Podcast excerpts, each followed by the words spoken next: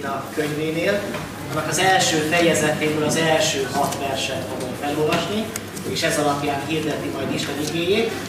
Álljunk fel és így hallgassuk Isten igényét. Tehát Zakariás Proféta könyve első fejezet első versétől. Dárius uralkodásának második esztendejében, a nyolcadik hónapban így szólt az Úr igéje Zakariás prófétához, Berekia fiához, aki Iddú fia volt. Nagyon megharagudott elődeitekre az Úr, mondd meg ezért népednek, ezt mondja a seregek ura, térjetek meg hozzám, így szól a seregek ura, és én is hozzátok térek, mondja a seregek. Ne legyetek olyanok, mint az elődeitek, akiknek a régebbi proféták azt hirdették, ezt mondja a seregek ura, térjetek meg gonosz útjaitakról és gonosz tetteitekből. De ők nem hallgattak és nem figyeltek rám, így szól az Úr. Hol vannak elődeitek, és a proféták talán örökké élnek, de az én igéim és rendelkezéseim, amelyeket megparancsoltam szolgáim a proféták által, utolérték elődeiteket. Azután megtértek és ezt mondták, úgy bánt velünk a seregek ura, ahogy a útjaink és tetteink miatt jónak látta. Imádkozzunk. Köszönjük Istenünk, hogy neked mindig szabad volt a te népedhez, valamikor nagyon keményen kellett szólni, de annak is itt volt az ideje, és volt, amikor bátorítással szóltál. Most is látod, hogy mire van igazán szükségünk, kinek talán keményebb szóra, megtérésre hívó, hívó szóra, valakinek talán bátorításra, kitartásra. Szeretnénk Istenünk magunkat nem igaznak látni, hanem szeretnénk a saját szemeiddel látni saját életünket, közösségünk életét, egyházunknak az életét. Vágyunk Istenünk a Te megújító munkádra, mint személyes életünkben, mint közösségünk életébe. Kérlek, hogy a lelked által cselekedj most közöttünk. Amen foglaljon helyet a gyülekezet. Nem tudom testvérek, hogy kik azok, akik nagyon szeretik a kis profétákat, és szoktátok tanulmányozni ezt a 12 könyvet így az Ószövetségnek a végén. Talán nem a legkedveltebb olvasmány, sokkal inkább szeretjük az evangéliumokat, vagy ha Ószövetségről van szó, akkor inkább a Zsoltárokat olvasni, de nagy kincsek ezek a Bibliában a kis proféták könyvei. Ezek közül már Zakariás is egy kiemelkedő, akit terjedelemben talán nem is biztos, hogy kis proféták közé kellene soroljunk, ugyanis hosszúságra ugyanannyit írt, mint Dániel, és hogyha Dániel a nagy proféták közé tesszük, akkor akár őt is oda tehetnénk a nagy proféták közé. De jelentőségesen kevesebb, mint akármelyik profétának. Egy nagyon fontos időszakban élt és profétált, ami sorsfordító időszak volt Izrael életében, és ezekben az időszakokban különösen fontos volt, hogy mit üzen az Isten. Meggyőződésem, hogy az egyház, és nem csak a mi gyülekezetünk, a Gyulai Baptista gyülekezet, mi is sorsfordító korban élünk, amikor sok minden eldől azzal kapcsolatban, hogy mi lesz az egyház jövője mondjuk 50 év múlva, vagy akár 100 év múlva, milyen lesz Európának a szellemi térképe, ezek a kérdések most a mi generációnkban fognak eldőlni. Nem mindegy az, hogy mennyire figyelünk az Isten hangjára, ismerjük fel Isten hangját, és cselekezzük meg azt, amit az Isten tőlünk a mi generációnktól kér. Tehát mi is volt az a sorsfordító időszak, annak idején Krisztus előtt 589-ben, mikor Jeremiás élt, akkor Isten kijelentette, hogy Izrael népe fogságba fog kerülni, mert engedetlenek voltak, nem hallgattak az Isten szavára, azért, mert bálványokat imádtak, azért, mert nem figyeltek a szegényekre és kizsákmányolták a szegényeket. Sok-sok bűne volt Izraelnek, amiből nem akartak megtérni.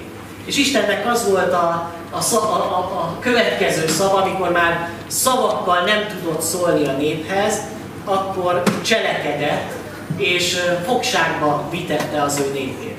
Tulajdonképpen ezt az igazságot látjuk a saját életünkben is, vagy felismerhetjük a saját életünkben, mert Isten először minket is az ő szavával int, hogyha valamilyen rossz úton jár az életünk, figyelmeztet bennünket az ő igényén keresztül, egy tanításon keresztül, egy testvéren keresztül, de amikor makacs marad a szívünk, és nem vagyunk hajlamosak arra, hogy megtérjünk az Istenhez a mi bűneinkből, nem akarunk megváltozni, és akkor is makacskodunk, akkor Isten megenged keményebb dolgokat is az életbe. Lehet ez akár egy betegség, lehet ez akár egy tragédia az ember életébe, de mindezt ugyanúgy az Isten szeretetéből teszi, azért, hogy valamilyen módon felnyissa a mi szemünket arra, hogy változnunk kell. Az ember nagyon gyakran hajlamos arra, hogy a saját életét igaznak lássa, míg mondjuk másokkal szemben azért sokkal kritikusabbak vagyunk, és mások bűneit sokkal inkább észreveszünk, mint a saját bűneinket. Így van ez testvérek? Hajlamosak vagyunk mi erre. És hajlamosak vagyunk arra, amit a Bibliában is látunk, hogy az ember, amikor bűnbe van, akkor magyarázkodik. Megmagyarázza, hogy hát a körülmények miatt, mutogat másokra, hogy más a felelős, nem én vagyok a felelős azért, mert amilyen az életem, vagy ahogy cselekszem az életemben, ez valahol mind benne van a természetünkben. De Isten szeretne bennünket ebből az állapotból kiemelni, és felnyitni a mi szemeinket arra, hogy lássuk önmagunkat, lássuk közösségünket is, és amiből szükségünk van, abból megtérjük. Ez a fordulat, ami bekövetkezett Izrael életében, ez szinte váratlan volt, de mégis azt lehet látni, hogy Isten már előre kijelentette. 70 év telt el a fogságban, ez nagyon hosszú idő, tulajdonképpen egy egész generáció élte le az életét a fogságba, és az a generáció már tulajdonképpen ki is halt, akik annak idején a fogságba kerültek, és akik akkor most Izrael népét alkották, nagy részük az a fogságba született, és nem ismerte igazából azt az országot, ahová az Isten őket elhívta. Lehet, hogy sokszor az egyház életében is vannak ilyen 70 esztendők, amikor egy generáció nem akar hallgatni az Isten szabára, az Isten vezetésére, és azt mondja Isten, hogy jó, akkor ez a generáció, ez ki kell, hogy halljon ahhoz, hogy valami új kezdődjön el közösségnek az életében.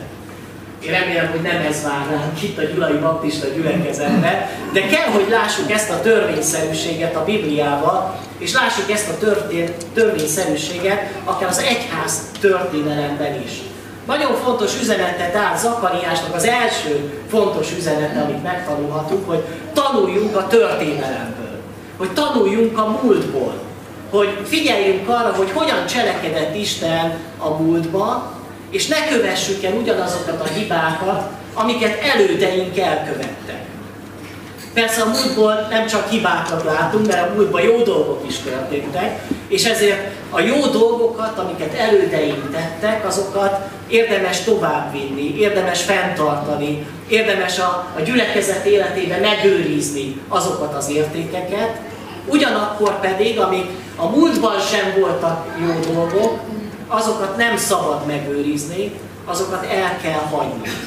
Nagyon fontos dolog, hogy a Biblia, amikor a múlttal való szembenézésre bátorít, akkor egyfajta kritikus szembenállást mutat, vagy egy kritikus szembenézést mutat. Akár a saját életünkben is fontos, hogy időnként megálljunk, és végig gondoljuk a személyes életutunkat. Hogy honnan jöttünk, miből lettünk, milyen gyerekkorunk volt, milyen fiatalkorunk volt, milyen volt az életünk, és most hol tartunk az életünkben. Majd testvérek egyébként majd a gyülekezeti táborban, ott Erdélyben, ez lesz a fő témánk, ott ilyen életutat fogunk majd végigjárni, és valahogy átgondoljuk majd a személyes életünket is ezzel kapcsolatban.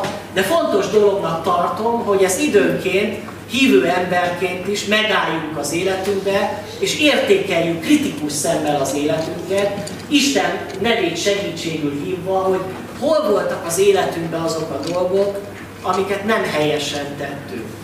Azok a dolgok, amiket lehet, hogy meg kellene változtatnunk, amikből meg kellene térnünk. Mik azok a rendezetlen kapcsolatok az életünkben, amik nem maradhatnak meg az életünkben továbbra is. Néha mi személyesen is, de gyülekezeti életünkben is hajlamosak vagyunk arra, hogy úgymond szőnyeg alá söpörjünk dolgokat. ugye ott nem látszik semmi, ugye? Tehát oda van söpörve, csak már néha úgy puposodik az a szőnyeg, tehát nem tudjuk kikerülni, hogy valami van ott, és mindig visszaköszön az életünkben is, egy gyülekezetnek az életében is, szembe kell nézni azzal, amit a múltban rosszul tettünk, amit helytelenül tettünk. Azért, hogy a következő generáció már egy új kezdetet tudjon megélni. És amikor egy közösségnek az életére gondolunk, akkor nem csak abban gondolkodunk, hogy most itt és most hogyan állunk, hogy mennyien vagyunk, és örülünk annak, hogy tele van ez az imaház, és vannak szolgálataink, és sok szolgálati területünk, hanem egy gyülekezetnek mindig már a jövőbe kell gondolni. Mi lesz 10 év múlva, mi lesz 20 év múlva, amikor lehet, hogy már sokan nem is leszünk itt a Földön. Amikor már ott leszünk a mennybe, kik lesznek itt a gyülekezetben, és mit fognak továbbvinni, mit kapnak örökségül ez a generáció. Ezért is érdemes ezeket a dolgokat átgondolni, és tudatosan tervezni azt, hogy hogyan neveljük a fiatalokat és a következő generációt. Itt ebben az üzenet az volt Zakariás könyvében, hogy ne úgy cselekedjétek, mint az elődeitek tettek. Tehát ne azt az utat kövessétek és járjátok, ahogyan az elődeitek tettek. Nem azt mondom, hogy ma ez az üzenet. Sőt, azt gondolom, hogy ebben a gyülekezetben is nagyon sok pozitív példa van idős testvéreknek az életében, és szeretném mondani a fiataloknak, hogy figyeljétek az ő életüket, lássátok, és vegyetek példát az ő ima életükről, vagy az ő szolgálatkészségükről, eh, ahogyan ők kedvesen bánnak mindenféle generációval, lehet példa előttük. De lássuk talán azokat a dolgokat is, amiket talán nem pont ugyanúgy kell csinálni a következő generációnak, mint ahogyan az elődeink tették. Igaz ez meggyőződésem szerint az egész világra nézve, hogyha belegondolunk arra, hogy a mi generációnk, vagy az elődeink generációja alapvetően egy nagyon materialista szemléletű generáció volt, és nem, most nem elsősorban a gyülekezetre gondolok, ahol a harácsolás, ahol a, a, a mindennek a birtoklása volt az életnek a legfőbb célja. Én abban reménykedek, hogy a következő generáció már nem így fog élni, és nem az lesz a legfőbb értéke, hogy mit birtoklunk, hogy mekkora házunk, mekkora autónk van, mennyi pénzünk van, és hogy milyen kütyűink vannak. Remélem azt, hogy a következő generáció tanul a mi hibáinkból azt is remélem, hogy a következő generáció tanul abból a hibából, hogy a mi generációnk tönkretette ezt a világot. És most egy klímakatasztrófa előtt állunk, ami tönkre fogja tenni, vagy talán nem is pusztíthatja az emberiséget. Én abban reménykedek, hogy a következő generáció már másképp fog gondolkodni, és egy környezettudatos életet fog folytatni ebben a világban talán ez is benne van Zakariás üzenetében, hogy Isten valami újat kezd. Valami újat épít föl Izraelnek az életében, egy új kezdődik. De nekünk is, akik már talán az idősebb korosztályhoz tartozunk, nekünk is feladatunk az, hogy segítsük ezt az átmenetet egy közösségnek az életében.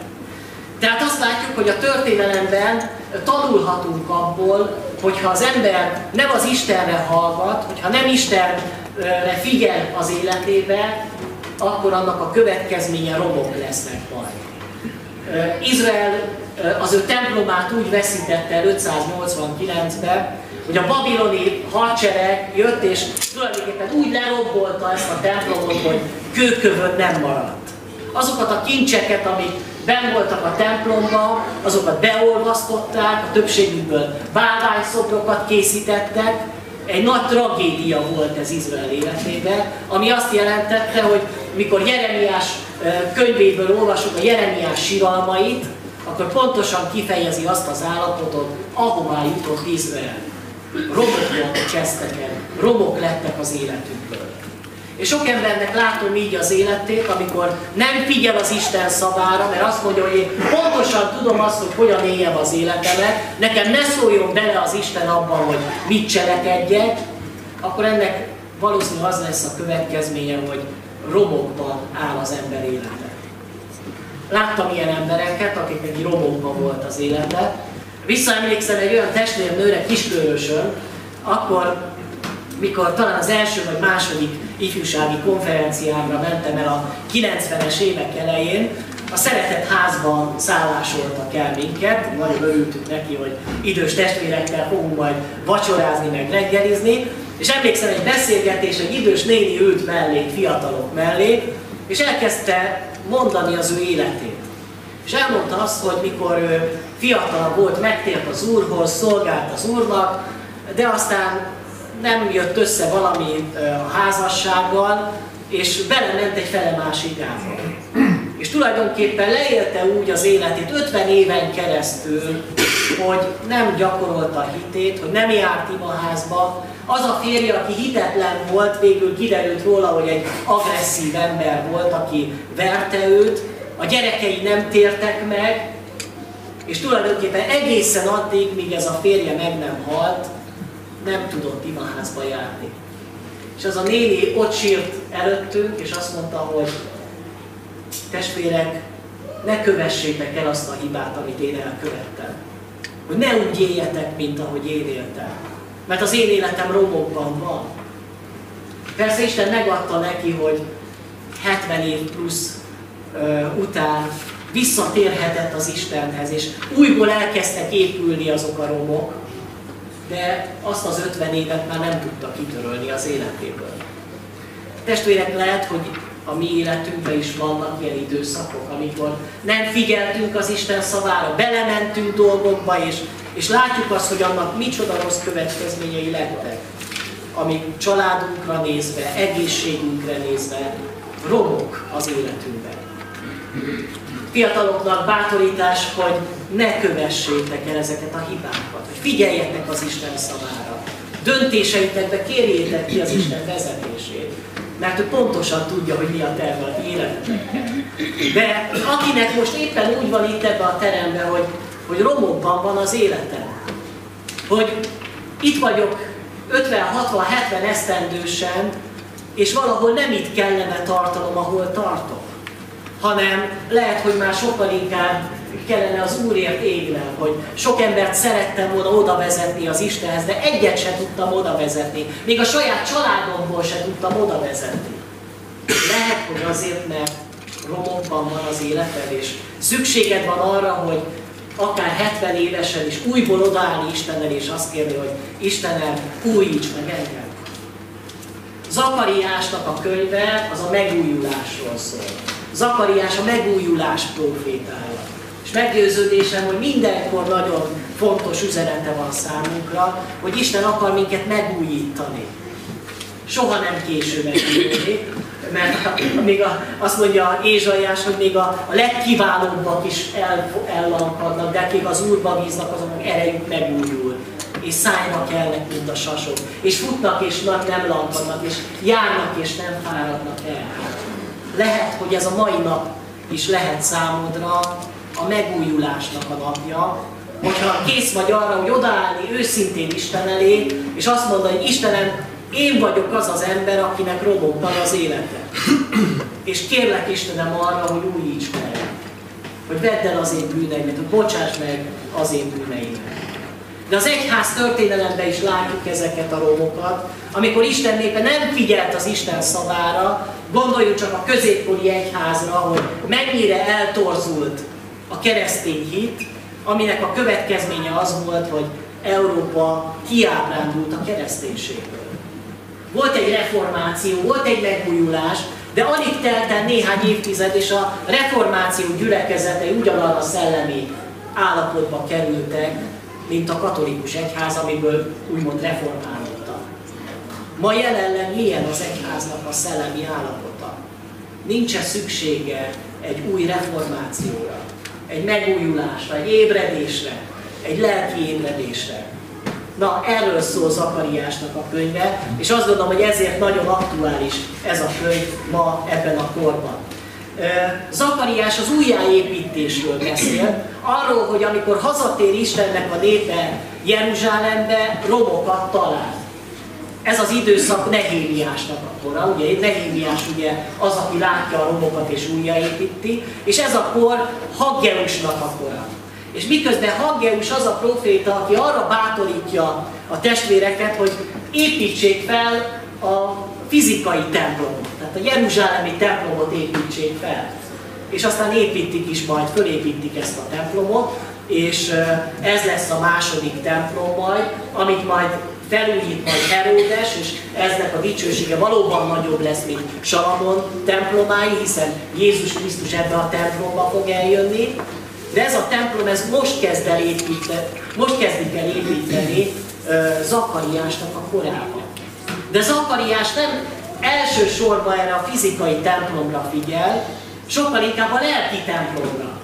Mert testvérek, sokkal fontosabb a lelki templom, mint a fizikai templom. Sokkal fontosabb az, hogy milyen a közösség, mint az, hogy milyen az imaházunk. Remélem értitek testvérek, hogy miről beszélek. Amikor megkérdezik, hogy hol van a Gyulai Baptista gyülekezet, mire gondolunk? A templomra? És megmutatjuk, hogy ez a Munkácsi Mihály utca 11 per B. Vagy a Gyulai Baptista gyülekezet, az mi vagyunk. Mi vagyunk Krisztus temploma. És ezek csak falak. És az is nagyon jó, hogyha szépek a falaik, hogy szép az imaházunk, bárcsak lenne egy sokkal nagyobb, és még több ember férne ide az imaházba, de sokkal fontosabb, és ez Zakariás arról beszél, hogy sokkal fontosabb a lelki templom. Az, hogy milyen a közösségnek a lelki állapota. Egyszer Belmiklós püspök úrral beszéltek, beszélgettem, és ő elmondta nekem azt, hogy hát az ő egyházuk az elmúlt időszakban álványimádó lett. Nem bálványimádó, hanem álványimádó. És hát kérdeztem, hogy mire gondol, hogy álványimádó lett. Azt mondja, hogy mindenütt az egész egyház megyében tatarozzák a gyülekezetet. Mindegyik szépül, és nagyon sok pénzt kapunk az, á, az államtól, és szépülnek a templomaink, de a gyülekezeteink sorban. Hogy ez, ez nem a megújulás. A megújulás az ott kezdődik, amikor a gyülekezet megújul. Amikor az Isten népe elkezd megújulni. És erről a folyamatról beszél Zakariás, hogy hogyan munkálkodik Isten, hogyan újítja meg ezt a szellemi templomot az Isten. Lehet, hogy azért nehéz olvasnunk Zakariás könyvét, mert nagyon sok apokaliptikus kijelentés van benne. Ugye az apokaliptika, ami a jelenések könyve is a Bibliában, ilyen szellemi dolgokról szól. Arról, hogy a szellemi valóságban mik történnek. Hogy elindul egy angyal, megméri a földet, aztán lovasok indulnak ki, és itt lehet, hogy itt zárjuk be a Bibliánkat, hogy na hát ez nekünk nagyon nehéz. Mert ezeket az apokaliptikus kijelentéseket nehéz értelmezni. De miért beszél Zakariás ilyen apokaliptikus módon, amikor a megújulásról beszél? Meggyőződésem azért, hogy felismerje Isten népe, hogy a megújulás az nem rajtuk múlik. Hogy nem azon múlik, hogy mi mennyire buzgók vagyunk, mennyire jók vagyunk, hanem egyedül a mindenható Istenen. Ha a mindenható Isten cselekszik, akkor dolgok történnek. És mi erre várunk, hogy a mindenható Isten megmozduljon, elinduljon, hogy cselekedjen. És mi csak szemléljük és dicsőítjük az ő nevét, hogy az Isten cselekszik közöttünk. Amit megtehetünk, hogy mi nem akadályozzuk az Isten munkáját. Sőt, azt mondjuk, hogy eszközeid akarunk lenni a te kezedben. Ezért akarja megnyitni Zakariás az akkori embereknek a tekintetét és a szemét, és akarja kinyitani a mi szemünket is, hogy vegyük észre, hogy nem csak mi vagyunk, hanem körülvesz bennünket egy szellemi valóság. Hogy egy szellemi háború kellős közepében élünk ahol angyalok vannak, ahol démonok vannak, ahol a sátán munkálkodik, ahol Jézus munkálkodik, számolunk-e a szellemi valósággal, vagy ilyen racionális módon éljük a hívő életünket, és azt mondjuk, hogy vannak szabályok, amiket megtartunk, ha igaz, akkor működik, ha nem, akkor nem működik, de látjuk-e és felismerjük-e azt, hogy, hogy egy szellemi háború közepén vagyunk. Hogy Egy ember megtérése az nem csak azon múlik, hogy sikerül-e meggyőznöm őt arról, hogy, hogy kicsoda Jézus, hanem lehet, hogy az ő lelkét fogva tartó szellemi erők ellen van nekünk hadakozásunk. És ellenük nem hadakozhatunk csak fizikai eszközökkel, hanem szellemi eszközökkel hadakozunk. Érdemes ezért az Akariás könyvét így elolvasni, hogy, hogy a mi szemünk is megnyíljon, hogy felismerjük a szellemi valóságot. És milyen jó az, amikor Isten maga szólal meg, és azt mondja, hogy irgalmasan fordulok Jeruzsálem felé, templomom fel fog épülni benne. Vagyis Isten az, aki megszólal, és Isten azt mondja, hogy én fogom felépíteni az én templomomat.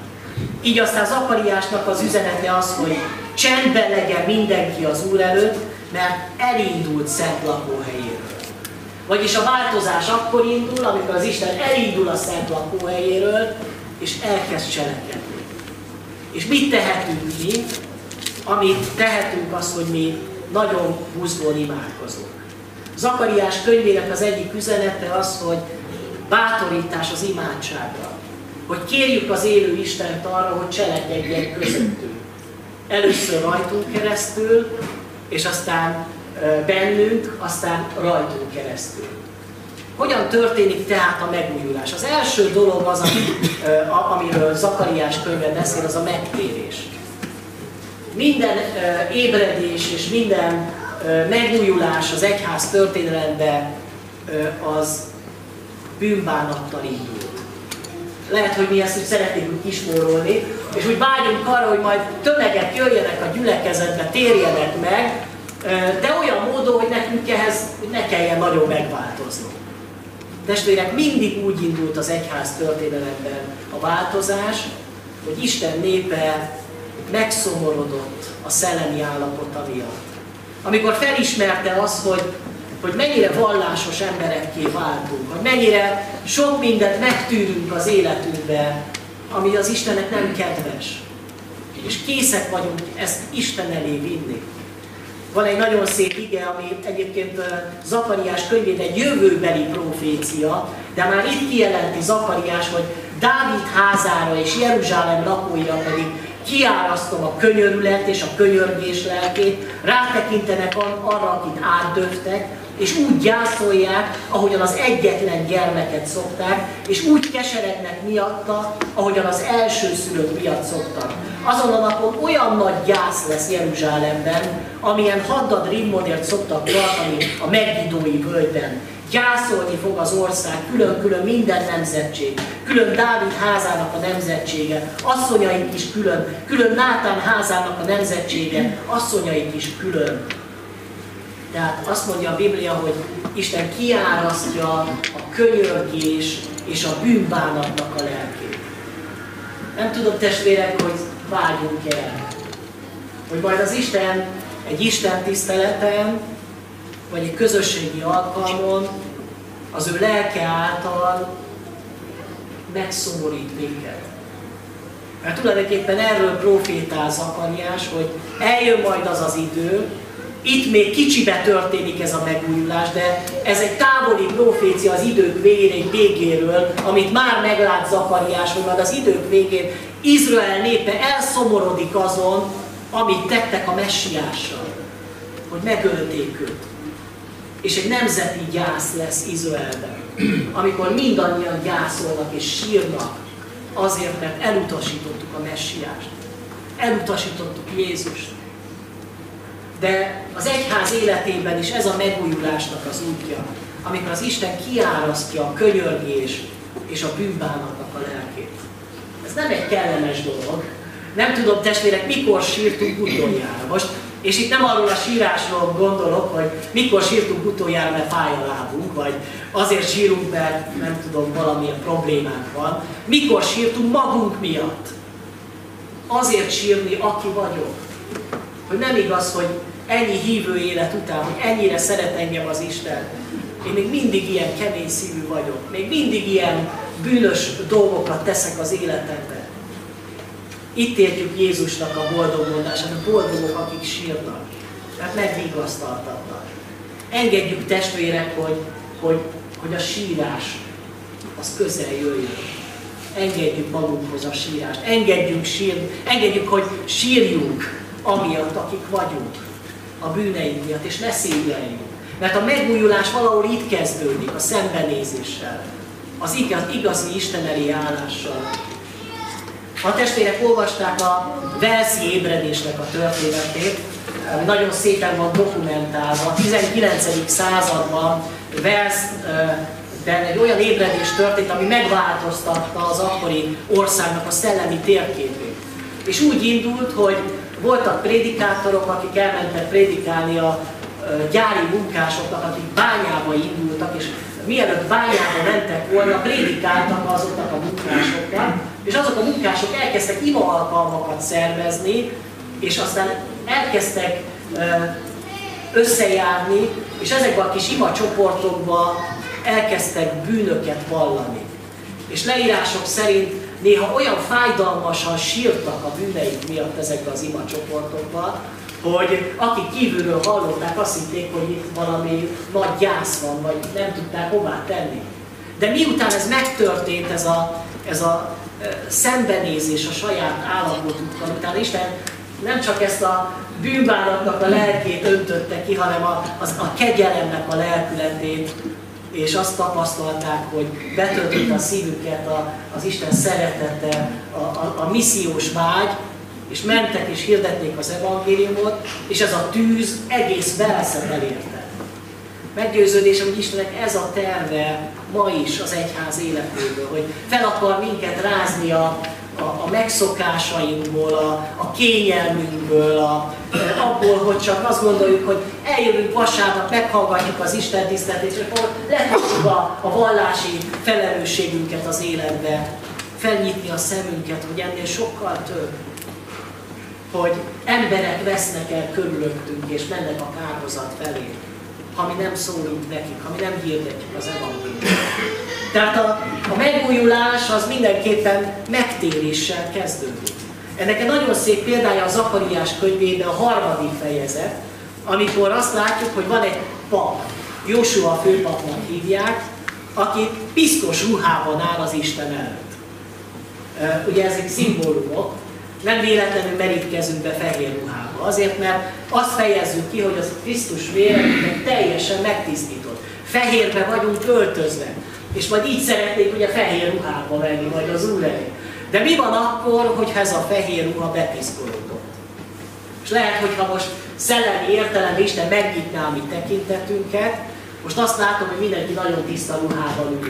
Senki nem jött koszos ruhába az imaházba, Senki nem úgy jött az imádba, hogy először előtte ment a földekre, és kapált egyet, vagy trágyázott, és akkor belekente a sok koszt magába, és így ült az imaházba. Mindannyian szép inget vettünk fel, frissen, mosott, vasalt ingbe ülünk, de szellemi értelemben vajon milyen a mi ruhánk?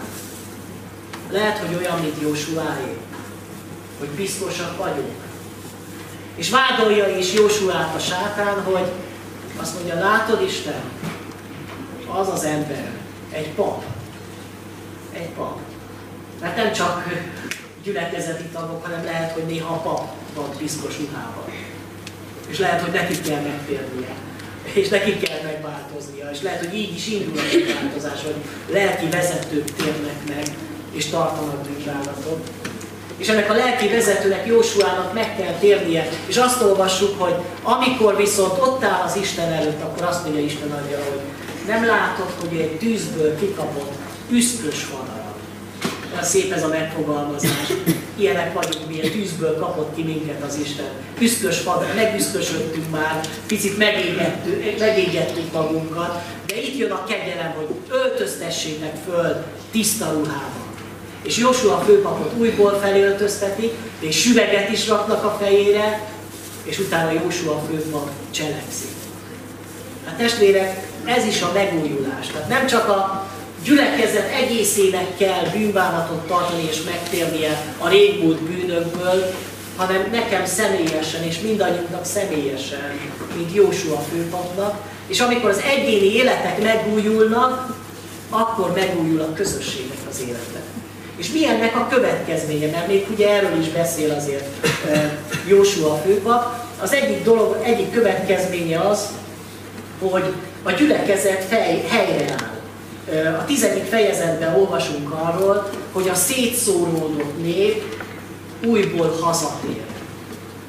Mit jelent ez a kép? Azt jelenti, hogy ha helyreáll egy gyülekezet, akkor azok az emberek, akik szétszóródtak, akik kimentek a világba, azok újból visszatérnek. Vágyunk erre? Vannak ilyen emberek ebben a gyülekezetben, akik, akik szétszóródtak? Akik hajdan itt voltak, csak, csak most elmentek valahol. Ez is a következő, de ez már a megújulás következménye. És még egy következménye van, az a misszió, és ezzel szeretnék bezárni, hogy milyen fantasztikus látomást kapott Zakariás a jövőre nézve. Azt olvassuk a, a jövő, jövőre nézve majd a, a boldog jövendőről, 8. fejezet. Ezt mondja a seregek ura, azokban a napokban tizen is megragadnak a mindenféle nyelvű népek közül egy judai ruhája szegélyénél fogva, és ezt mondják, hadd tartsunk veletek, mert hallottuk, hogy veletek van az Isten. Nem tudom, belegondoltunk -e ebbe az igébe. Meg egy hívő ember az utcán, és tíz hitetlen jön utána kiabálva, hogy álljál már meg, szeretnék megtérni. És bele csimpaszkodnak a ruhájába, hogy ők is bejöhessenek az imaházba. Elképzelhető, hogy ez így lesz? Olyan lehetetlen. Ez így is mondja Zakariás 8 hogy elképzelhetetlen az én népem számára, de nekem nem lehetetlen. Amikor az egyház újból hiteles lesz az emberek előtt, amikor újból felmutatjuk Krisztust, amikor az életünkön látszik az ő világossága, akkor az emberek jönnek és azt mondják, hogy szeretnék megtérni. Mert veletek van az Isten. Mert látjuk az életetekben. És mi vágyakozunk arra, amit a ti életetekben tapasztaltok. Szeretnénk ezt a jövőképet, testvérek? Amikor nem az lesz a jövőképünk, és nem azt tervezgetjük, hogy hát tíz év múlva, ha így haladunk, akkor körülbelül felennyien leszünk, aztán lehet, hogy 20 év vagy, vagy 100 év be kell zárni a gyülekezetet. Mert nagyon sok gyülekezetnek ez a jövőképe, hogy már annak örülnek, hogyha nem folynak. De nem ez a jövőkép. A jövőkép az, az növekedésről és ébredésről szól. És csak rajtunk múlik testvérek. Csak a mi hozzáállásunkon múlik, hogy készek vagyunk-e arra, amiről Zakariás beszél, hogy elhagyni a mi bűneinket, és engedni, hogy az Isten személyesen minket megvizsgáljon, megtisztítson, helyreállítson, helyünkre tegyen, szolgálatba helyezzen bennünket, és akkor elkezd működni. Mert Jézus Krisztus tegnap és ma és mindörökké ugyanaz. Hát én ezt kívánom testvérek, hogy legyen ez a boldog jövendő, a Gyulai Baptista gyülekezet jövője, hogy építsük ezt a szellemi templomot, hogy aztán majd majd egy fizikai templomot is kelljen majd építeni néhány év múlva, mert olyan sokan leszünk, hogy nem fogunk beférni, de először a lelki templom, a gyülekezet épüljön föl. Amen. Néhány